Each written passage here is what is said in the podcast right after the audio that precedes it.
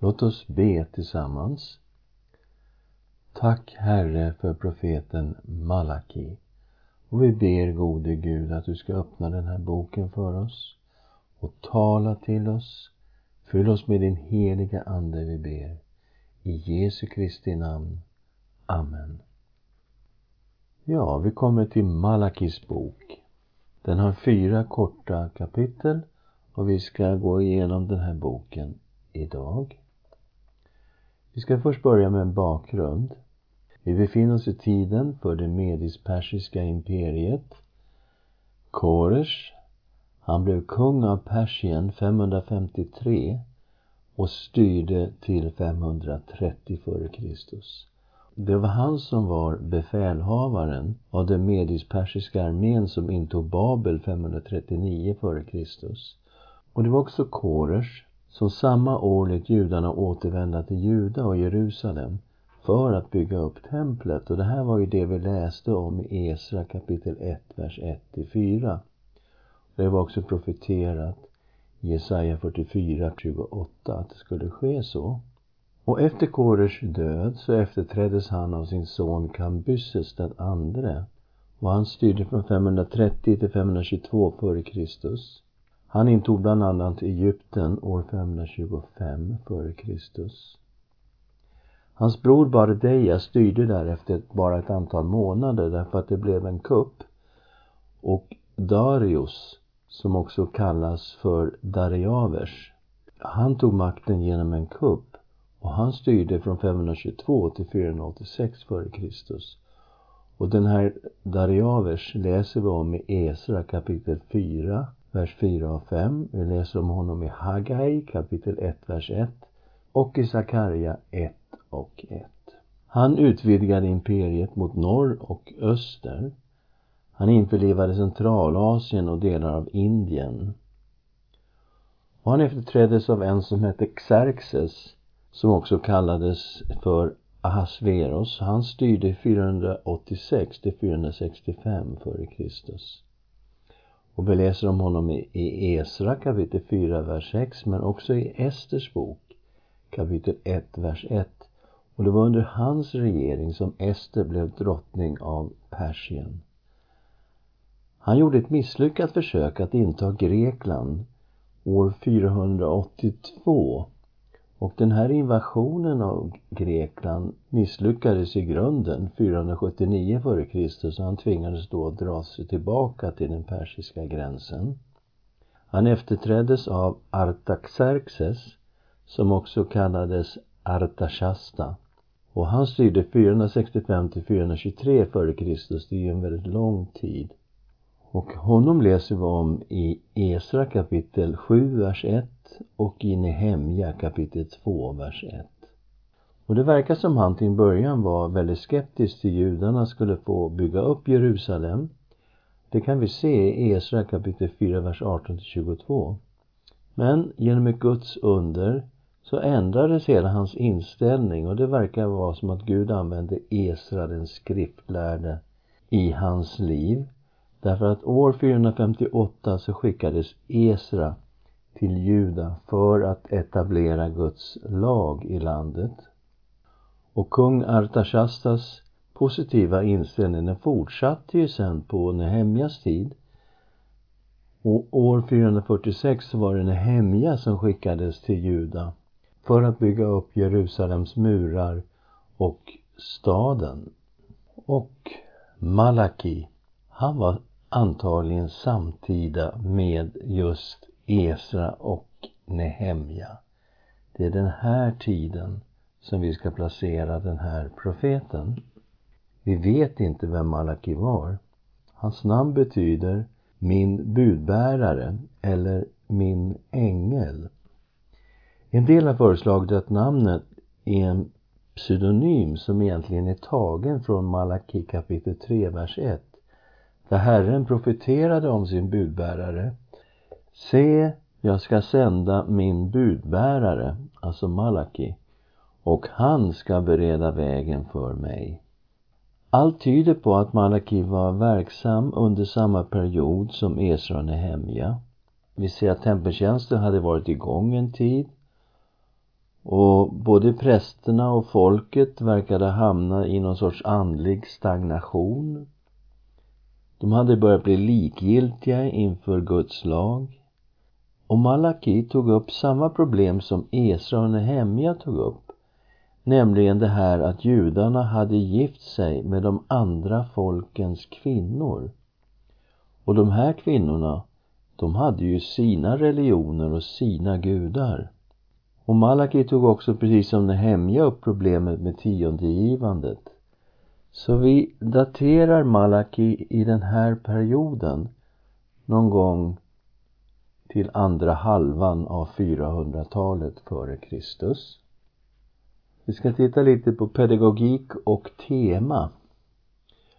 Och eh, sannolikt är den här boken skriven efter att profeten Malaki hade burit fram Herrens budskap och folket hade gett sitt gensvar. Därför att vi finner påståenden som möts av frågor och så kommer det svar och det är som en levande dialog som pågår i boken. Och den här boken tycks besvara påståenden från folket. Och samtidigt ser vi att de här påståendena från folket avslöjade verkligen den andliga krisen i Juda. De sa att det gick väldigt bra för den som var ond och att det egentligen inte fanns någon rättvisa i landet och att Gud egentligen var långt borta och inte brydde sig. Det här är kapitel 2, vers 17 och kapitel 3, vers 13 till 15. Vi delar in boken på det här sättet. Vi har en inledning först, kapitel 1, vers 1. Och så har vi att Gud betygar sin kärlek till sitt folk, kapitel 1, vers 2 till 5. Och sen prästens olydnad kring offren, kapitel 1, 6 till vers 14. Och så prästens sanktion av blandäktenskap, det var det här problemet med kvinnor från andra folk. Kapitel 2, 1 till 16. Och slutligen då Herrens dom och frälsning 2.17 till 4.6. Och vi ska gå nu gå in i profeten Malakis bok. Vi läser vers 1. Denna profetia är Herrens ord till Israel genom Malaki, alltså genom min budbärare. Och vi möter att Gud betygar sin kärlek till sitt folk. Och vi ska läsa kapitel 1, vers 2 och 3. Jag har älskat er, säger Herren, och ni frågar, hur har du älskat oss? Var inte Esau bror till Jakob, säger Herren. Jakob älskade jag, men Esau hatade jag. Okej, okay. vi vet ju då att Gud utvalde Jakob, som sen fick namnet Israel, framför den äldre tvillingen som hette Esau och som sen blev folket Edom. Gud utvalde alltså Israel framför Edom och det här var klart redan innan de föddes. Vi läser i Första Mosebok kapitel 25, vers 22 och 23. Och det är Isaks fru Rebecka som tycker det var en väldigt besvärande graviditet hon hade. Vi läser i vers 22. Men barnen bråkade mycket med varandra i hennes moders liv. Då sa hon, om det blir så här, varför drabbar det mig? Och hon gick för att fråga Herren. Herren svarade henne, två folk finns i ditt moderliv. Två folkstammar ska gå skilda vägar ur ditt sköte. Det ena folket ska bli starkare än det andra och den äldre ska tjäna den yngre. Så vi ser att profetian handlar framför allt om folken som skulle komma ifrån Jakob och Esau. Esau var ju den äldre och Gud utvalde då Israel framför Edom. Men hur ska vi förstå att Gud sa att han hatade Esau? Ja, ordet hatade hade inte den känslomässiga betydelsen som vi har i svenskan utan det handlade mer om kontrasten av att Gud utvalde Israel framför Edom. Samma grundord används på andra ställen och där betyder ordet snarare ratade än hatade. Och det här kan vi se till exempel i Första Mosebok 29.31 när det gäller relationen mellan Lea och Rakel och att Jakob älskade Rakel mer än Lea. Men det handlar inte hatade, det handlar snarare om ratade. Och vi har samma sak i femte Mosebok 21, vers 15 till 17. Paulus citerade också det här skriftstället och även han betonade att Gud utvalde Jakob framför Esau, alltså Israel framför Edom. Och vi kommer till Guds handlande med Edom i kapitel 1, vers 3 till 5. Gud bad Israel lägga märke till att Edom hade straffats i grunden. Och det här hade skett när Babels kung Nabonidus raserade Edoms städer 551 f.Kr. Edemiterna de hade flytt till Negevöknen väster om Döda havet. Och vi ser här att de hade planer på att bygga upp Edom igen. Men Herren sa att han skulle riva ner det igen. I kapitel 1, vers 4. I verkligheten så intogs sen Edoms land av de arabiska nabatéerna och det var de som byggde den fantastiska staden Petra på 300-talet före Kristus. Och så kommer vi till prästens olydnad kring offren. Kapitel 1, 6 till 14. Och det visade sig att prästerna var inte så noga med vilken kondition offerdjuret var. Det kunde vara halta, det kunde vara blinda, det kunde vara alla möjliga fel på offerdjuren. Men i Mose lag, femte Mosebok kapitel 15, vers 21, så var det ju så att bara det bästa var gott nog. Och Gud sa till prästerna att ni vanhelgar det när ni säger Herrens bord är orent och maten där är värdelös. Så de brydde sig inte om offren.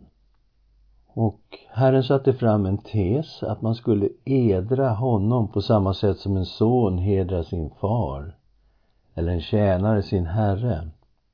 Vi ska läsa kapitel 1, vers 6 till 8. En son hedrar sin far och en tjänare sin herre. Men om jag är er far, vad är då heden jag borde få? Och om jag är er herre, var är då vördnaden för mig? Detta säger Herren Sebaot till er präster som föraktar mitt namn.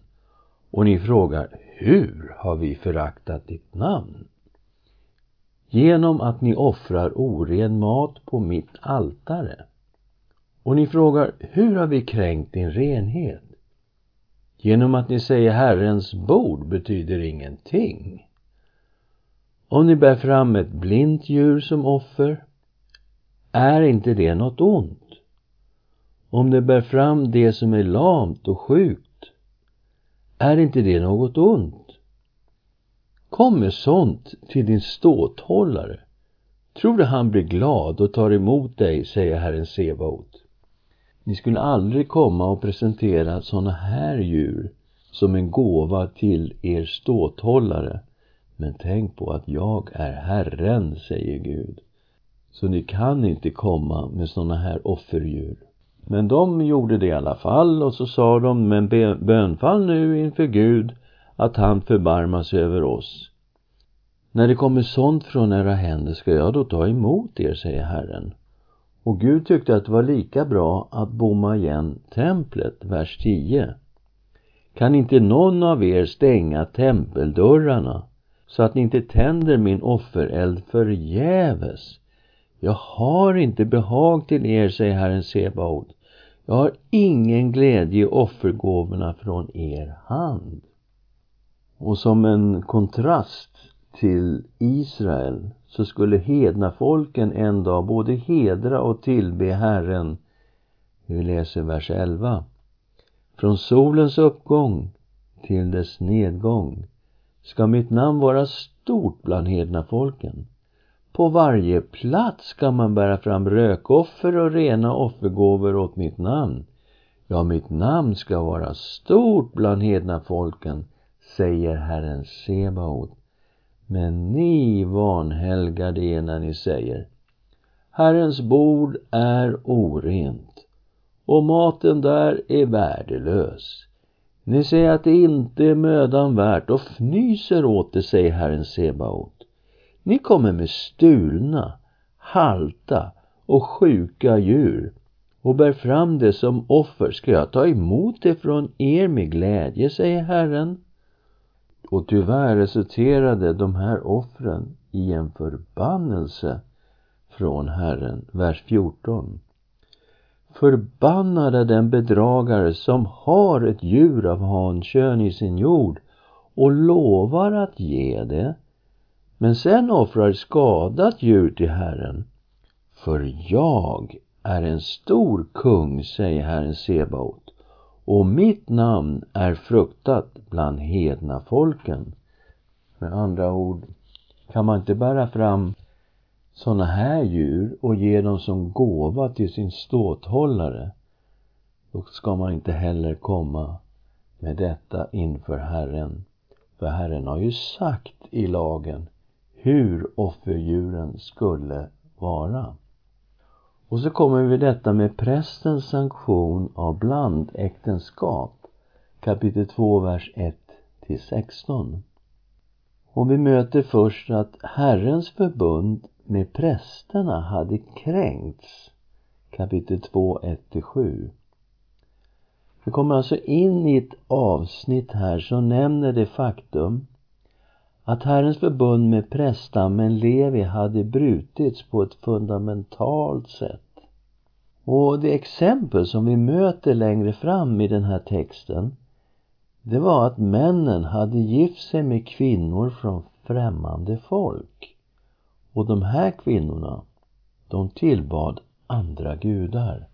Här var problemet att avguderiet var på väg att krypa in bland folket. Det här förbundet som hänvisas till här, det upprättades på Moses tid. Och bakgrunden var ungefär den här. Israels folk hade tågat igenom Moab, som då är dagens Jordanien. De var på väg mot löfteslandet. Och det visade sig att en del av folket hade tillbett guden Baal och tagit del i fruktbarhetsriter genom att ha sex med moabitiskor. Och det var väldigt många som var inbegripna i det här. Gud straffade folket och 24 000 israeler dog. Och översteprästen Arons sonson Pinehas han bringade försoning för folket. Och det här ledde sen till att Herren slöt ett förbund med prästerna. Så här läser vi i fjärde Mosebok kapitel 25, vers 12 och 13. Se, jag sluter med honom ett fridsförbund. För honom och för hans avkomlingar efter honom ska detta vara ett förbund till ett evigt prästämbete eftersom han brann för sin Gud och bringade försoning för Israels barn.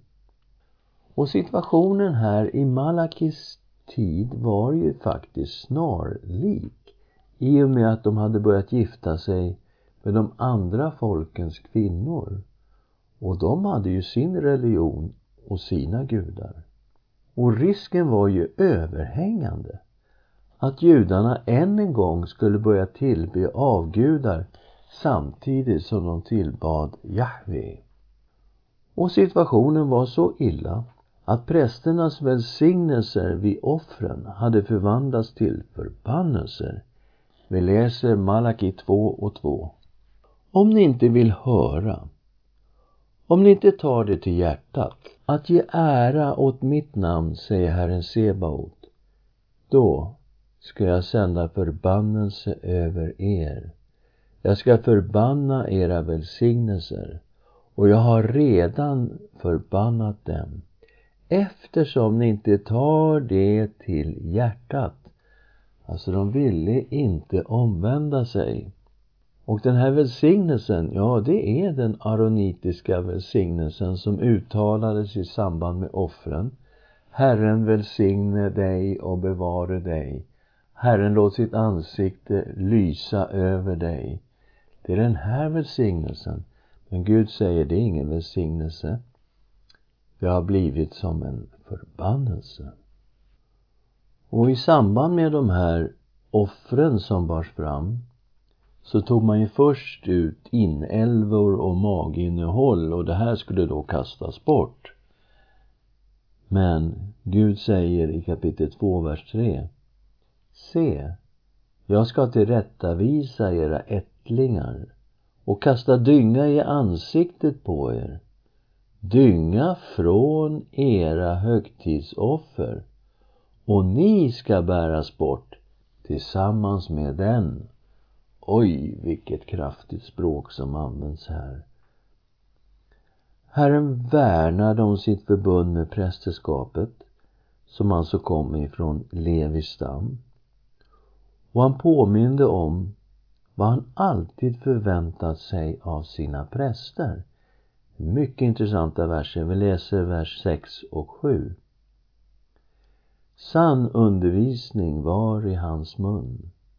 Inget orätt fanns på hans läppar. I frid och uppriktighet vandrade han med mig och han omvände många från deras missgärningar. För prästens läppar ska bevara kunskap och man ska hämta undervisning från hans mun eftersom han är en budbärare från Herren Sebaot. Kapitel 2, vers 6 och 7. Och istället möter vi då att prästerna hade sanktionerat blandäktenskap. Och när man tänker på vilket sammanhang som Herrens förbund med prästerna hade ingåtts så förstår man ju också på vilket sätt förbundet hade kränkts. Vi läser vers 8 och 9. Men ni har vikit av från vägen. Det var alltså prästerna som man då skulle hämta kunskap ifrån och få rätt undervisning ifrån, som skulle vara en Herrens budbärare. De får alltså höra. Men ni har vikit av från vägen ni har fått många på fall genom er undervisning. Ni har fördärvat förbundet med Levi, säger Herren Sebaot. Därför har jag också gjort er föraktad och förnedrad inför folket, för ni har inte hållit er till mina vägar, utan varit partiska när ni undervisar Okej, okay, vad skulle det kunna vara för någonting partiskt som de har haft när de undervisade? Jo, vi, säger här, vi ser här nu att de har varit partiska med männen och mot de judiska hustrurna. Vers 10. Har vi inte alla samme far? Har inte samme Gud skapat oss? Jo, då måste vi vara opartiska. Varför begår vi då svek mot varandra och kränker våra fäders förbund? Juda har begått svek och avskyvärda ting har gjorts i Israel och i Jerusalem. Juda har kränkt det som Herren håller heligt, det som han älskar, och de har gift sig med kvinnor som dyrkar främmande gudar. Här har vi situationen. Självklart hade de här kvinnorna sin religion och sina gudar. Och det var ju det här som hade hänt redan i domarboken kunde vi se just de här exemplen att de gifte sig med folkens kvinnor och på så sätt så kom avgudadyrkan in i Israel. Och det var ju det som var den största orsaken till att folket bröt förbundet med Herren och fördes bort i fångenskap. Det norra riket 722 fördes bort i fångenskap till Assyrien och det södra riket, Juda, fördes bort i fångenskap till Babel. Och nu hade de fått komma tillbaka till landet. Men de var på väg att begå samma fatala misstag igen. Och resultatet skulle bli katastrof. Kapitel 2, vers 12. Herren ska utrota ur Jakobs tält var och en som gör så, både hög och låg. Så det är den här blandningen som kommer av det hela. Det var ju aldrig så att Israel slutade med att tillbe Jahve. Men de började tillbe de andra gudarna tillsammans med Jahve. Och det var det som var katastrofen. Och Herren sa att de hade varit trolösa mot sina hustrur. Vers 14. Därför att Herren var vittne mellan dig och din ungdoms hustru. Du har varit trolös mot henne, trots att hon är din maka, din hustru som du har ingått förbund med. Vers 15. Har inte han gjort dem till ett? Det som är kvar av ande tillhör honom. Och varför till ett? Han söker ättlingar som hör Gud till. Så tar hand om er ande. Var inte trolös mot din ungdoms hustru.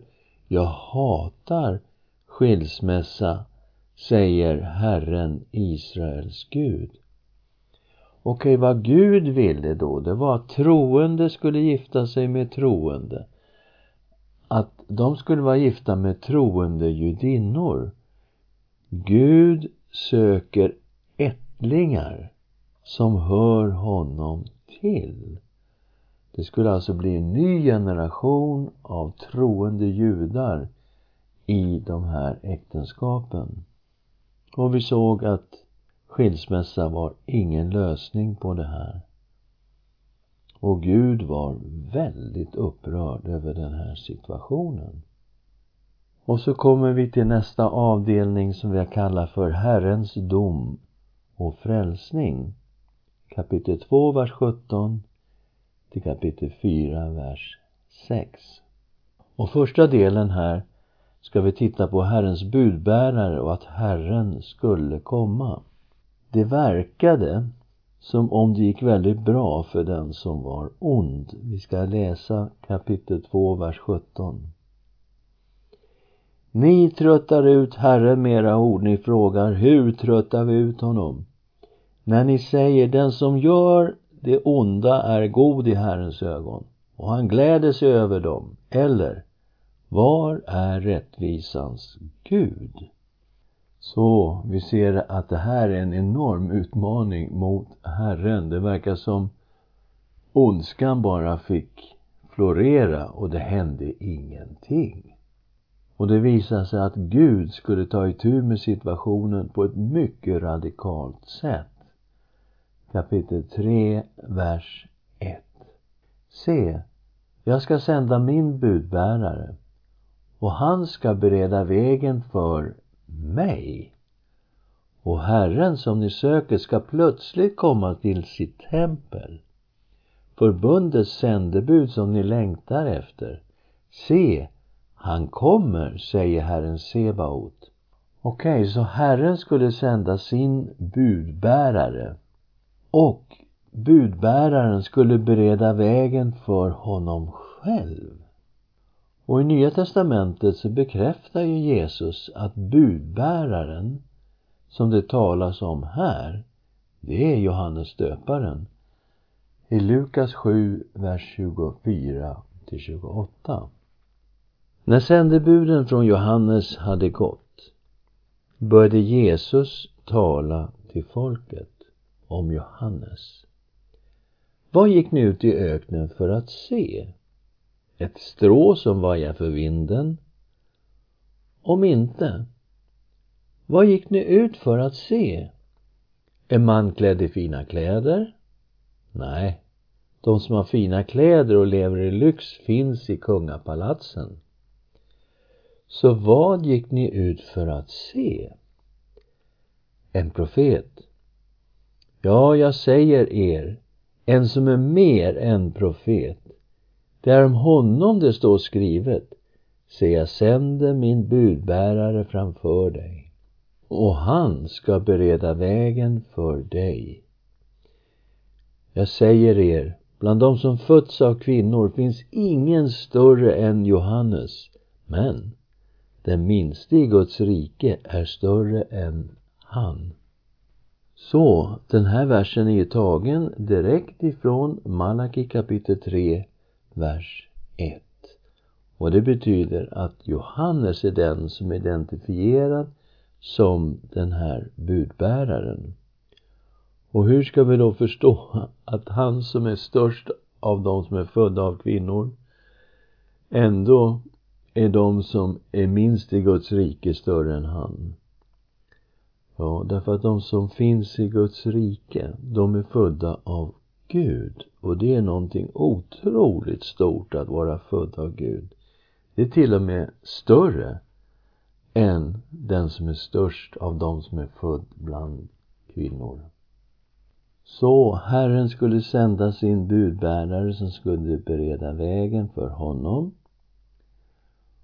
Och vi ser ju i Nya Testamentet att Jesus var Herren som skulle komma. Vi såg det när ängeln Gabriel talade till jungfru Maria att han skulle kallas den högstes son. Men vi ser också i det som ängeln sa till herdarna när Jesus föddes i Betlehem. Lukas 2, vers 11. Idag har en frälsare fötts åt er i Davids stad. Han är Messias, Herren. Och när Herren kommer då då ska han rena sitt folk. Och bilderna är här som man renar guld med eld. Han skulle vara som elden som renar guldet. Han skulle vara som såpan som man tar bort smutsen med. Vi läser kapitel 3, vers 2 och 3. Men vem kan uthärda den dagen då han kommer? Och vem kan bestå när han visar sig? Han är som guldsmedens eld och som tvättarnas såpa. Han ska sätta sig likt den som smälter och renar silver. Han ska rena Levis söner, luttra dem som guld och silver, så att de kan bära fram offergåvor åt Herren i rättfärdighet. Då ska Judas och Jerusalems offergåvor behaga Gud som i forna dagar och gångna år. Så det blir resultatet av att Herren kommer. Hans folk blir renat. Och Herren specificerar ett antal synder som han skulle ta tag i. Han säger i kapitel 3, vers 5. Jag ska komma till er och hålla dom. Och jag ska vara snabb och vittna mot trollkarlar och äktenskapsbrytare och de som svär falskt, mot de som vägrar arbetaren hans lön och förtrycker änkan och den faderlöse, som vränger rätten för främlingen och inte fruktar mig, säger Herren Sebaot. Och det här med mened som kommer in här. Det var ju en förutsättning för att de skulle kunna förtrycka de svaga så att de inte skulle kunna få sin rätt i korrumperade domstolar. Och vad Gud krävde, det var omvändelse. Vi läser i kapitel 3, vers 7. Ända sedan era fäders dagar har ni vikit av från mina stadgar och inte hållit dem. Vänd om till mig så ska jag vända om till er, säger Herren Sebaot. Det här var lösningen. Och så kommer vi in i detta med tiondegivande. Kapitel 3, vers 8 till 12. Och det visar sig att det var inte bara prästerna som skulle omvända sig. Folket skulle förstås också omvända sig. De hade ju sin skyldighet att ge en tiondel av sin inkomst för att prästerna skulle kunna utföra sin tjänst. Och Gud anklagade faktiskt folket för att stjäla från honom. Och han utmanade dem att ge fullt tionde. Och sen skulle de se hur mycket Gud skulle välsigna dem. Kapitel 3, vers 10. Bär in fullt tionde i förrådshuset så att det finns mat i mitt hus.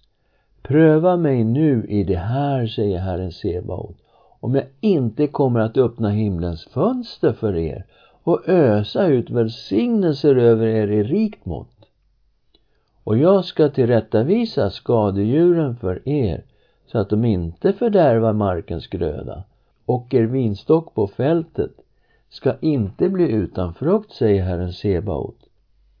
Och alla folk ska kalla er lyckliga för ni ska vara ett ljuvligt land, säger Herren Sebaot.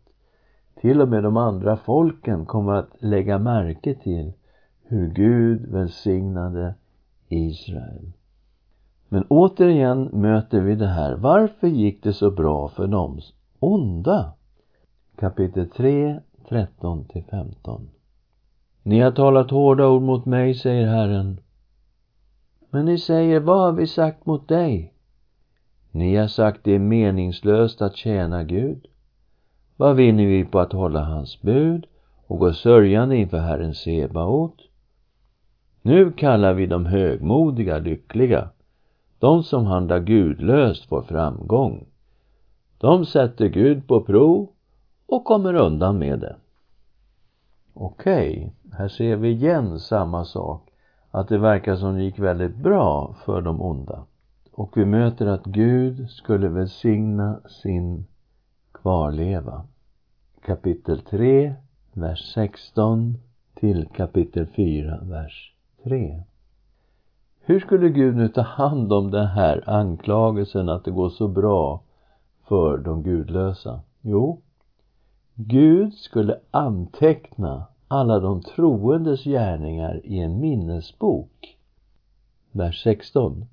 Men då talade de som vördar Herren med varandra. Och Herren hörde och lyssnade. En minnesbok skrevs in för honom, för dem som vördar Herren och respekterar hans namn. De ska vara min dyrbara egendom, säger Herren, den dag jag utför mitt verk. Jag ska förbarma mig över dem som en man förbarmar sig över sin son som tjänar honom. Okej, okay. så Gud hade ju sett hela situationen. Och han garanterade full rättvisa. Vers 18. Då ska ni åter se skillnaden mellan den rättfärdige och den gudlöse. Mellan den som tjänar Gud och den som inte tjänar honom. Okej, okay, så vi får två grupper här. Vi får en grupp som har omvänt sig, som har gjort precis det som Gud sa. Vänd om till mig så ska jag vända om till er. Och så får vi en grupp som struntar i alltihopa och som struntar i Gud. Och Gud säger, det kommer att gå väldigt olika för de här två grupperna. Ni ska få se skillnaden mellan den rättfärdige och den gudlöse. Och det skulle komma en dag när Guds rättvisa dom skulle falla. Och då skulle alla de som inte följde Herren brinna som halm, kapitel 4, vers 1. Se, dagen kommer, den dagen som en ugn, då alla högmodiga och alla som gör det onda ska vara som halm. Dagen som kommer ska bränna upp dem, säger Herren Sebaot, och den ska varken lämna rot eller kvist. Och vi ser ju skillnaden igen här mellan de gudlösa och de troende. Vers 2. Men för er som vördar mitt namn ska rättfärdighetens sol gå upp med läkedom under sina vingar. Då ska ni komma ut och hoppa lik kalvar som man släpper lös ur sitt bås och man kan se, oj vad de jublar och studsar och hoppar. Och vi noterar också att det här språket är väldigt likt det vi möter hos Johannes döparen när han undervisar om Jesus. Alltså han som skulle komma efter honom. I Lukas 3, vers 17 läser vi Han har sin kastskovel i handen för att rensa sin tröskplats och samla in vetet i sin lada.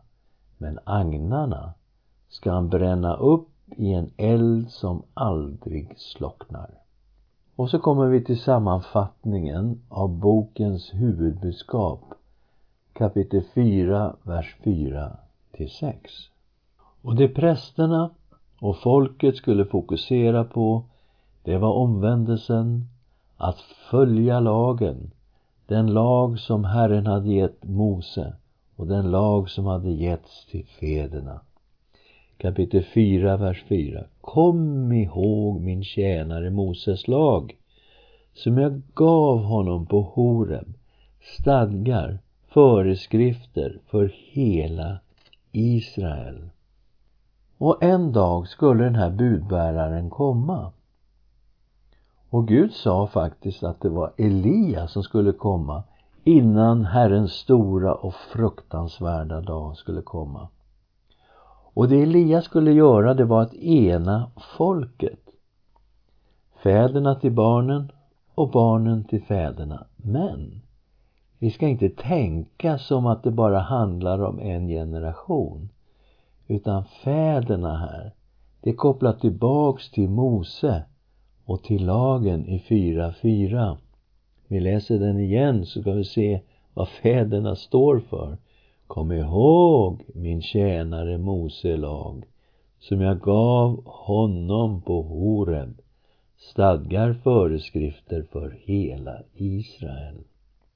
Och det här innebär ju att Elia skulle kalla folket till sann omvändelse till Herren.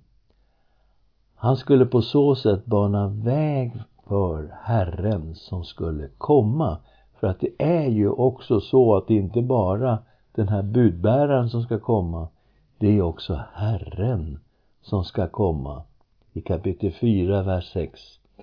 Han ska vända fädernas hjärtan till barnen och barnens hjärtan till deras fäder så att jag inte kommer och viger landet åt förintelse. Och när vi kommer in i Nya Testamentet så knöt ju ängeln Gabriel an till just de här verserna när han berättade för Sakarias om att han och Elisabet skulle få en son och han skulle få namnet Johannes och han skulle bli uppfylld av den heliga Ande innan han föddes och han skulle gå framför Herren i Elias ande och kraft. Vi läser i Lukas 1, vers 13 till 17. Men ängeln sa till honom Var inte rädd, Sakarias. Din bön har blivit hörd. Din hustru Elisabet ska föda en son åt dig och du ska ge honom namnet Johannes. Han ska bli din glädje och fröjd och många ska glädja sig över hans födelse. För han ska bli stor inför Herren. Vin och starka drycker ska han inte dricka. Och han ska bli uppfylld av den helige Ande redan i moderlivet. Många av Israels barn ska han omvända till Herren deras Gud. Han ska gå före honom i Elias ande och kraft för att vända fädernas hjärtan till barnen och ge de trotsiga ett rättfärdigt sinne och skaffa åt Herren ett folk som är berett. Och Jesus var ju också den som bekräftade att Johannes döparen var densamme som den utlovade Elia och det är ju viktigt. Det läser vi om i Matteus 17, vers 9 till 13. Och det här är i samband med förklaringsberget. Så Jesus är på väg ner från berget och med sig har han Petrus, Jakob och Johannes. På väg ner från berget befallde Jesus dem Berätta inte för någon vad ni har sett förrän Människosonen har uppstått från de döda. Lärjungarna frågade honom Varför säger då de skriftlärda att Elia först måste komma? Han svarade Elia ska komma och återupprätta allt. Men jag säger er, Elia har redan kommit och de kände inte igen honom utan gjorde med honom som de ville. På samma sätt ska också Människosonen lida genom dem. Då förstod lärjungarna att han talade till dem om Johannes döparen. Och vad finns då likheterna mellan Elia och Johannes? Elia var en ensam Herrens profet mot hela folket och folket hade börjat tillbe Baal. Det här är på 800-talet före Kristus under kung Ahabs tid. Och på ett liknande sätt så hade nu Johannes döparen det omöjliga uppdraget att ensam förbereda folket för Messias ankomst. Och man tycker att hans strategi var värdelös. Han borde ju ha gått till städerna, de större städerna i alla fall. Men han ställde sig i ödemarken, nere vid Jordan och predikade omvändelse och dop och att de skulle tro på den som kom efter honom. Kraften i hans undervisning var oerhörd. Folk strömmade ner till Jordan för att lyssna till Guds ord. Och på så vis så förberedde Johannes döparen vägen för Messias, för Jesus Kristus. Ska vi be tillsammans. Tack Herre för profeten Malakis bok. Tack Herre för de profetior som vi möter här. Och vi har noterat profetiorna om att Johannes döparen skulle komma och att du själv skulle komma och du kom. Du som föddes genom jungfru Maria. Och vi tackar dig Jesus Kristus som vår Herre och Frälsare. Och vi tackar dig för denna underbara profetbok. I Jesu Kristi namn. Amen.